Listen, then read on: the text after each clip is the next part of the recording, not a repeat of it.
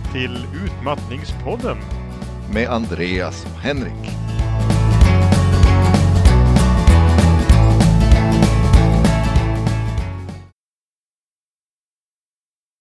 Så, då var det väl sista avsnittet i den ordinarie serien här. Ja, tänk ändå att vi har tagit oss hela vägen. Så nu tänkte vi prata lite grann om att lata sig, Oj. står det som rubrik här. Det låter, det låter eh, skuldbelagt.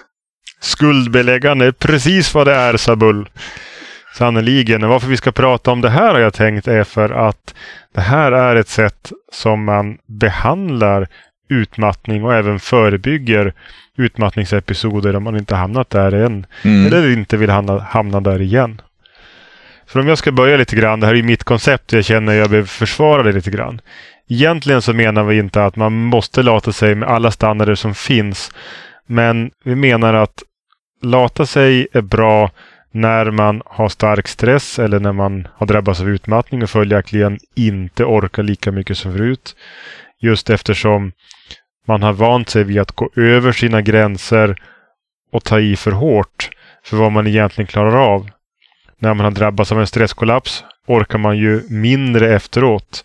Och då behöver man alltså ta i mindre. Agera mindre på plikt. Mindre stress i allmänhet.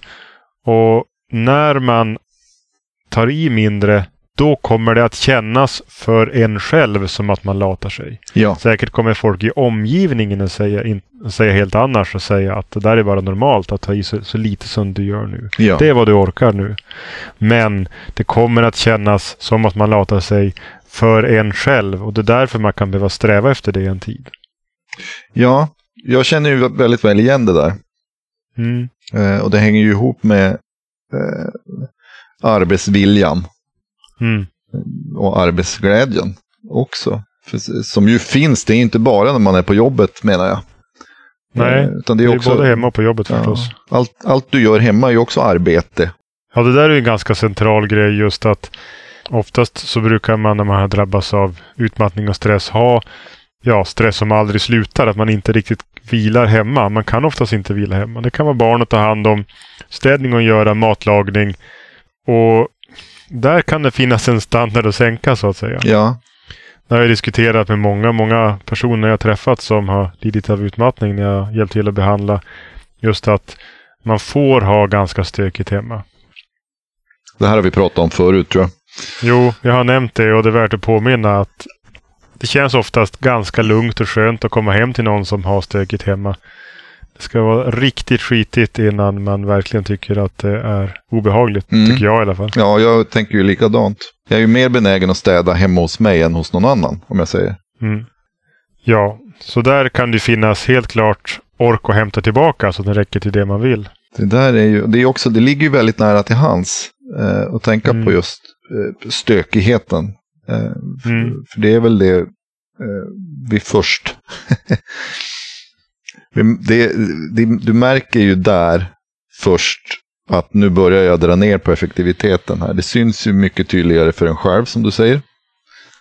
Eh, än för andra. Och det är ju det är också ett bra ställe att börja på. Va? Ja, för det är så lätt när man liksom inte städar för man vet att terapeuten har sagt att jag ska ta det lugnt. Och så tänker man istället att vad jobbigt att det är stökigt där borta. Jag gör det sen. Imorgon får jag kanske. Imorgon har jag kanske ork och sånt där. Det där vill man ju också släppa egentligen. Ja, Man vill ju hitta det här accepterande läget att idag så är plikterna slut. Städningen hotar inte min omedelbara tillvaro utan här ska jag sitta och, och ta det lugnt. ja. Sådana där saker. Sen är det ju, här är det ju också väldigt viktigt med eh, kommunikation om man nu bor ihop med någon. Att, Verkligen. Eh, Det här måste kungöras. att man har ju olika standarder med sig in i huvudet. Mm. Alla är ju olika hur de vill ha det och när exakt man, de här städreflexerna sätter igång. Och just det här att säga till partnern också att nu Ja, drar vi ner standarden gemensamt så att inte partnern får bara jobba mer.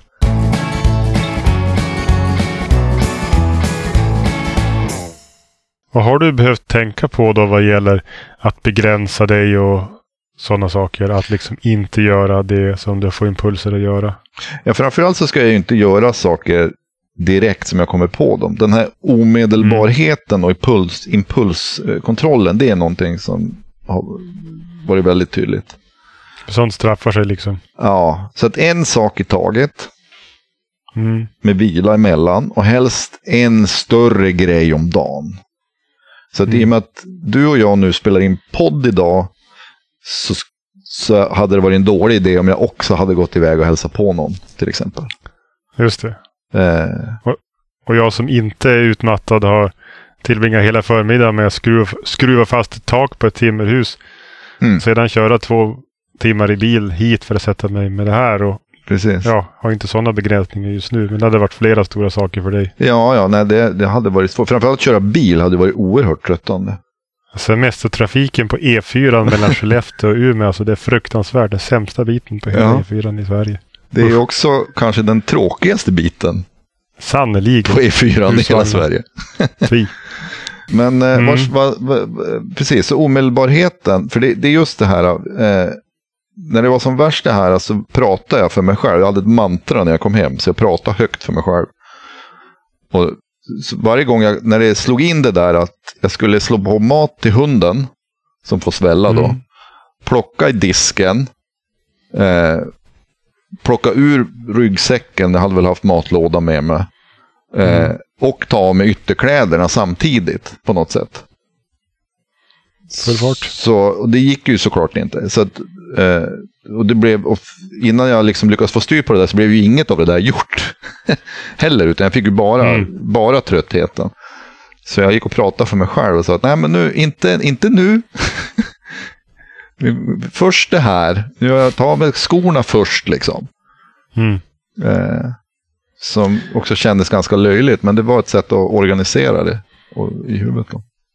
Ja, det där tycker jag är en väldigt bra illustration för ja, det är lite svårförklarat men det är en väldigt viktig psykologisk faktor det där att väldigt mycket stress är ju helt och hållet på insidan. Ja. För som jag sa nyss det här att man kanske känner att jag skulle städa imorgon om jag inte gör det nu eller sådana grejer. Det gäller ju att helt och hållet släppa den, den växeln liksom. Mm. Som om man kör bil och trycker in kopplingen liksom och motorn gasar på det händer ingenting.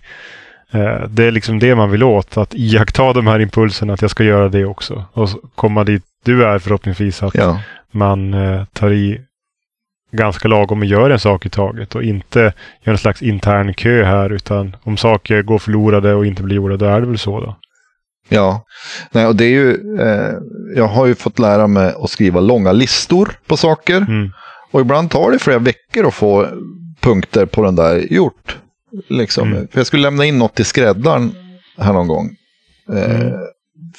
och då, jag bara flyttade på den där listan efterhand. Därför att det gick inte att både gå dit och vad det nu var jag skulle göra. Mm. Plus att ta mig hem då. Eh, så det är också en acceptans i det där. Att det går inte bara att få saker gjort direkt. Mm. Eh, och det blir ännu viktigare att skriva listor på det. Om det nu är värt att komma ihåg. Det här var något som behövde göras. Det är som du säger, mycket av det där gör ju inget om man glömmer. Men en del saker behöver man ju komma ihåg. Verkligen.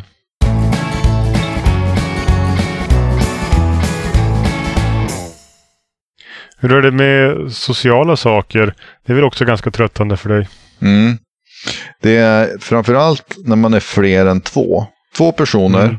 Mm. Eh, och eh, när, eh, i samtal om saker som jag har koll på eh, håller ganska lång tid.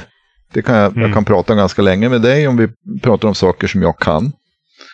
Eh, skulle vi prata om din psykologgärning och exakt hur du bedömer saker i, i olika fall, då skulle jag ju bli trött jätte, jättesnabbt eftersom jag Mm. måste lära mig saker tror jag är. Eh, är det, det Mm. som är jobbigt där, att förstå abstrakta begrepp som man inte känner till. Men det är ju när man är två och två. Är vi flera stycken eh, så blir det tröttsamt mycket fortare. Även om vi är hemma hos vänner på middag till exempel. Mm. Eh, och vi är fyra stycken eh, med människor som jag känner väl. Så är det fortfarande efter ett par, tre timmar så slutar jag kunna delta på det sätt som jag, som jag vill. Och, och, tar, och lyssnar på andras samtal eh, istället för att Just det. delta. Och då är det dags att gå hem.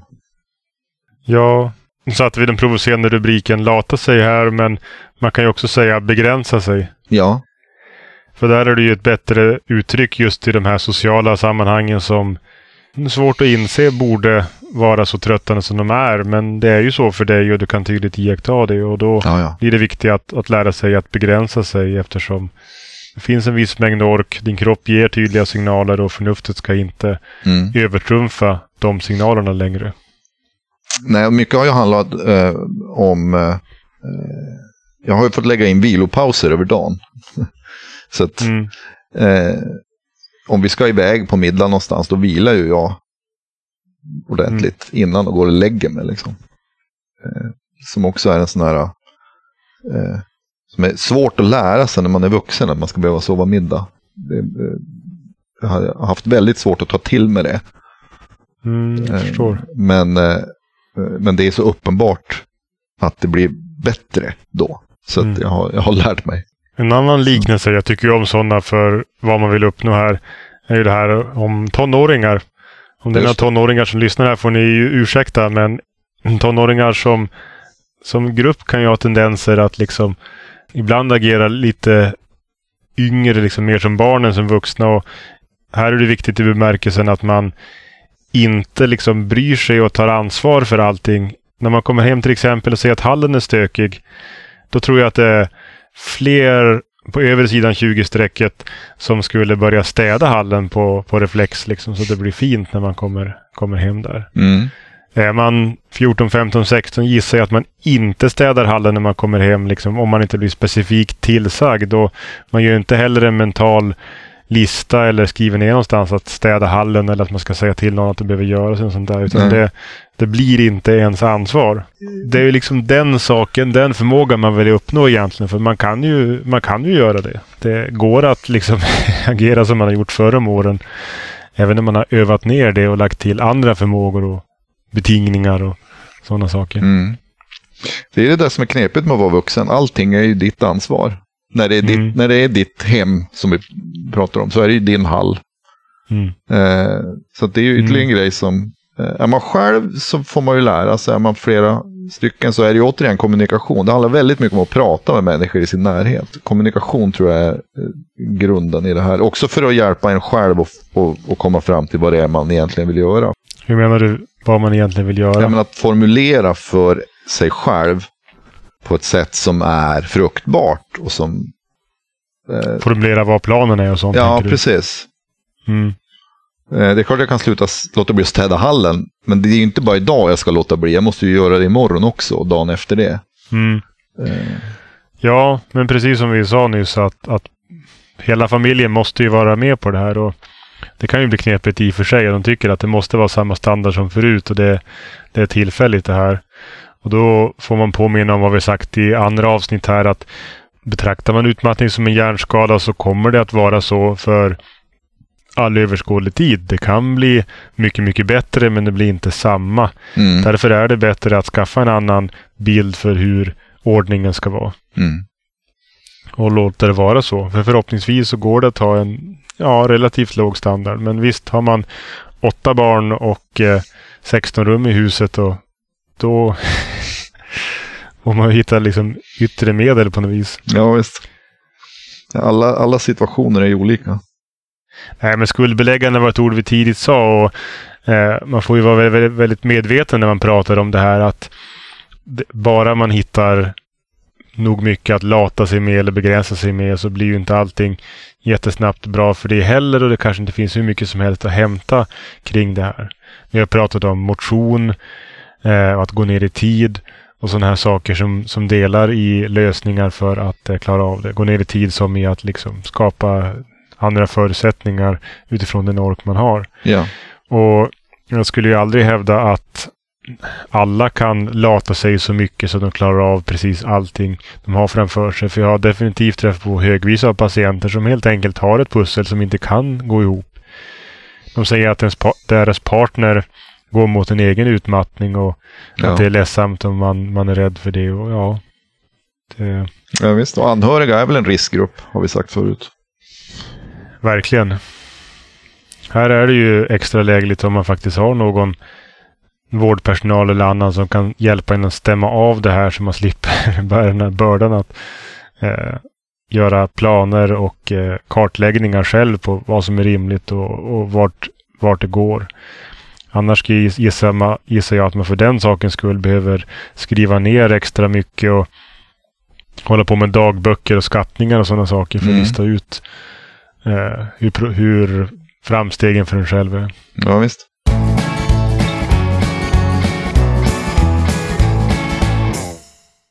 Ja, jag tänker på en annan bild.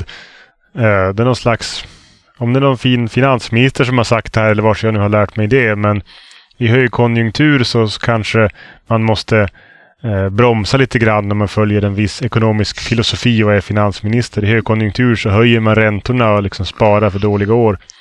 Och i lågkonjunktur måste man istället gasa. Man försöker skjuta till resurser och ta av statens penningar för att eh, se till så ekonomin får fart igen. Det är väldigt lätt att ta i för mycket de dagar det går bra. Och då måste man ju bromsa och hålla igen lite grann när man känner att, att energin och arbetslusten liksom slår mm. in. Eh, och vara medveten om att det kan vara en, en, längre process. Det kommer inte att bli bra över en dag, liksom, utan det kommer att gå upp och ner.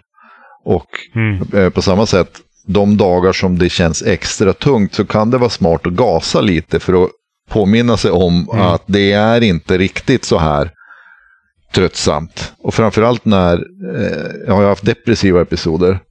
Mm. Och eh, där har det varit väldigt tydligt för mig att hela kroppen vill bara rulla ihop sig till en boll.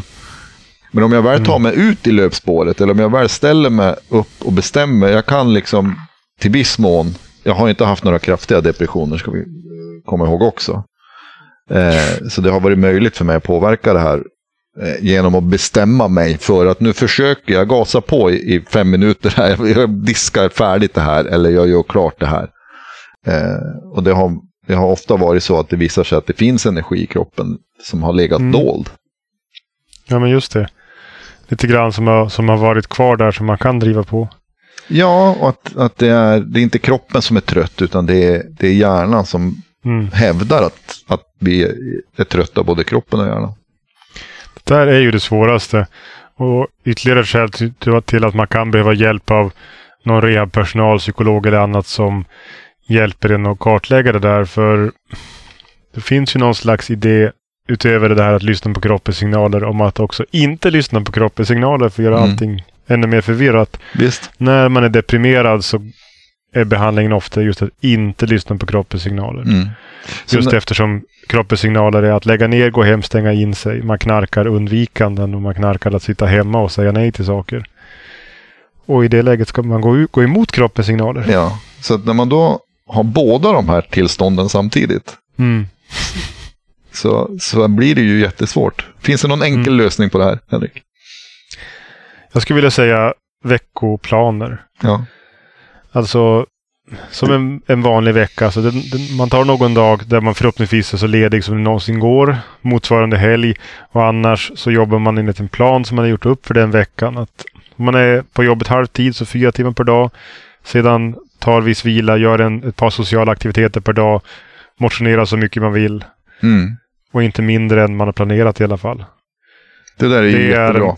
Är, det är liksom ett schema, en, en grundplan som fungerar både för depression och utmattning. Mm.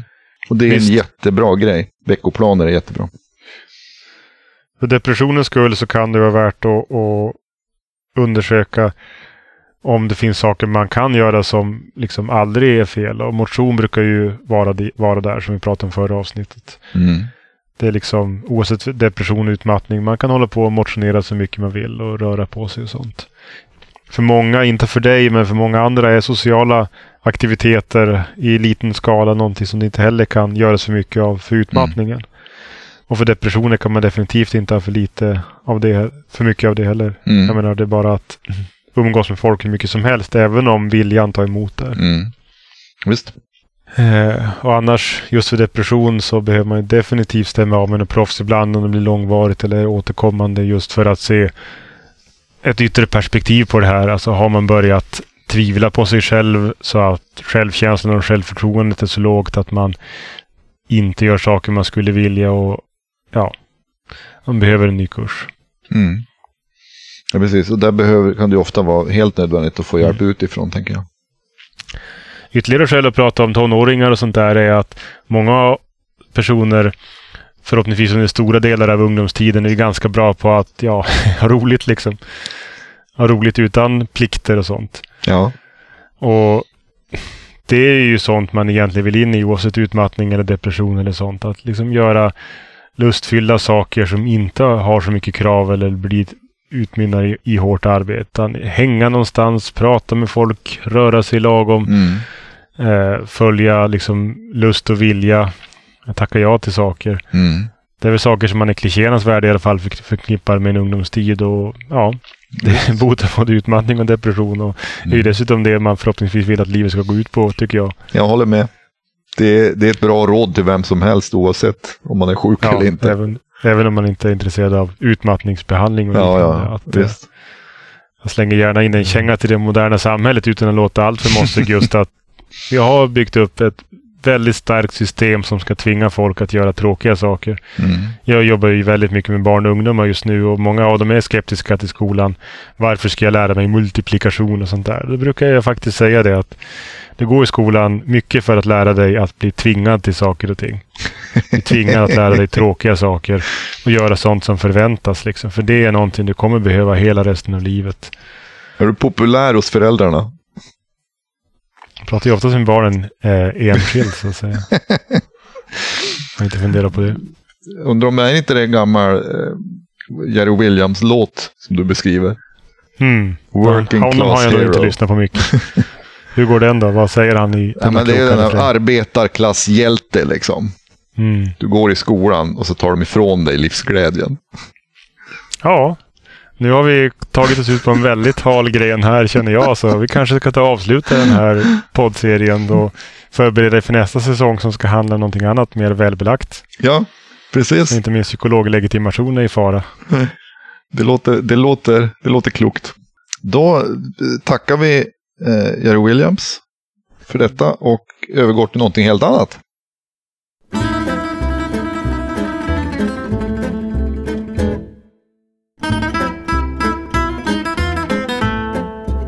Ja, då kommer en eh, psykologifråga här då.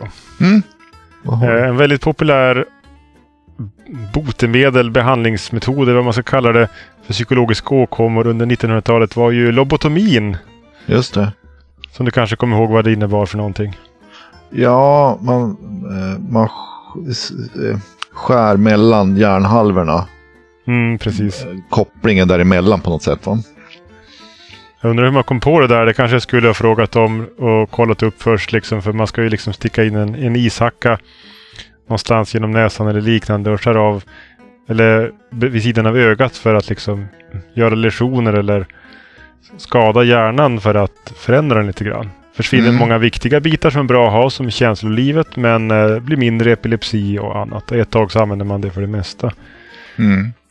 Det finns en annan sån där operativ metod för eh, att eh, behandla psykiska åkommor som har använts i flera tusen år dock. Mm. Kan du komma på en annan psykoaktiv operation som har använts i åtminstone 5000 år som det finns väldigt mycket arkeologiska fynd för? Har du har du hört talas om någon sån? Trepanering, svarar jag. Trepanering. Det var precis det jag tänkte på. Man borrar hål i huvudet. Ja, Så. Vad jag Därav förstått uttrycket hål i huvudet kanske.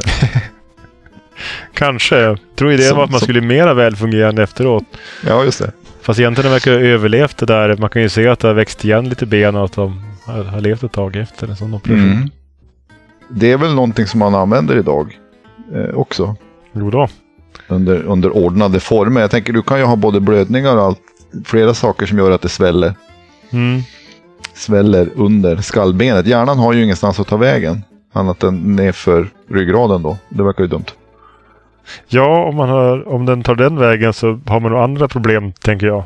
Ja, Ja, men det var ju en bra gissning. Har du någon annan fråga mot mig då? ja eh, det här är också lite, ska vi kalla det nutidshistoria då. Mhm. Eh, eh, när de svenska kärnkraftverken har använt sitt bränsle färdigt så tar ju, måste ju det där tas om hand. Det är ju en helt annan fråga naturligtvis, vilka svårigheter det innebär. Mm. Slutförvaring. Eh, Precis, men eh, det har vid eh, Oskarshamns kärnkraftverk så har de svenska kraftverken haft eh, ett centralt mellanlager för använt kärnbränsle. Mm. Eh, och då har man haft ett skepp som, eh, som transporterar använt kärnbränsle, ett specialbyggt Mm. skepp. Eh, som användes mellan 1985 och 2015. Och det här hette MS Sigyn. Känner du till det här? Nej, det visste jag inte. Vet du vem Sigyn var? Vem var det här skeppet döpt efter? Ja, det var ju en asynja. En. Var inte hon gift med Oden? Nej. Nej. Hon var gift med Loke. Ja, just det. Kommer du ihåg vad som hände med Loke på slutet? Ja, allra sist så ska ju han dödas av någon i Ragnarök där. För då är ju han på asen, eller på jättarnas sida va? Ja, just det. Precis. Men eh, det händer mycket av det som är i asatro och religion så händer ju mycket samtidigt skulle man kunna säga. Men någonstans där på Eh. mitten så ställer han till med så mycket knas att han blir fastbunden på en sten typ där en orm droppar etter i hans öga. Och f- får väl som jobb att eh, förhindra det här genom att fånga det i en skål Mm. så att nästan inget droppar i hans öga. Men då då den fulla måste tömmas och då får han i alla fall lite ormetter i ögat. Visst, visst är det? Det är precis det. Och det som händer då är att när hon måste tömma skålen Mm. så, så gör det så fruktansvärt ont det Mm. här ettret som droppar på honom. Så att han sliter i kedjorna och då skälver jorden. Det är det som är jordskalv. Ah. Sa man. Han är ganska stor Loke. Sådär, man tänker, ja det kan man väl tänka sig. Eh, eller väldigt, väldigt stark. och eh, därav det här skeppet Sigun då, att det transporterar det här giftet. Det finns väldigt mycket Ja. eh, bildligt här som man kan ta till sig. Eller hur? Att det Ja, när man tappar lite kärnbränsle emellanåt när Oskarshamn producerar och skeppet är ute och seglar liksom. Så då blir det Ja. dåligt. Så, så det, är uppenbart, det är uppenbart att det är någon som har tänkt när man döpte det här. Eh, och att det finns något att fundera på, att vi måste vara väldigt försiktiga med de här grejerna. Eh, men som sagt, eh, för att avsluta den frågan. MS Sigyn pensionerades 2015. Mm. Och då var hon ersatt sedan två år av ett annat skepp då, som, eh, som också var specialbyggt och som hette MS Sigrid. Och då är frågan, vem var Sigrid då? Sigrid. Hmm. Ja, jag får ju skämmas eftersom min första association är vem de var gift med och sådär. De hade ju vissa saker de var bra på i sig, de här asynjorna. Ja, absolut. Eh, gissa på gift med Njord. Nej. Det finns ingen Sigrid i nordisk mytologi till att börja med. Hmm. Eh, och eh, Sigrid som namn betyder vacker seger ungefär. Hoho. Och ha, så där finns det ju liksom ingen läxa alls då. Nej. Vissa namn har ingen mening liksom. Nej, precis. Det är bara ett, ett namn på ett skepp.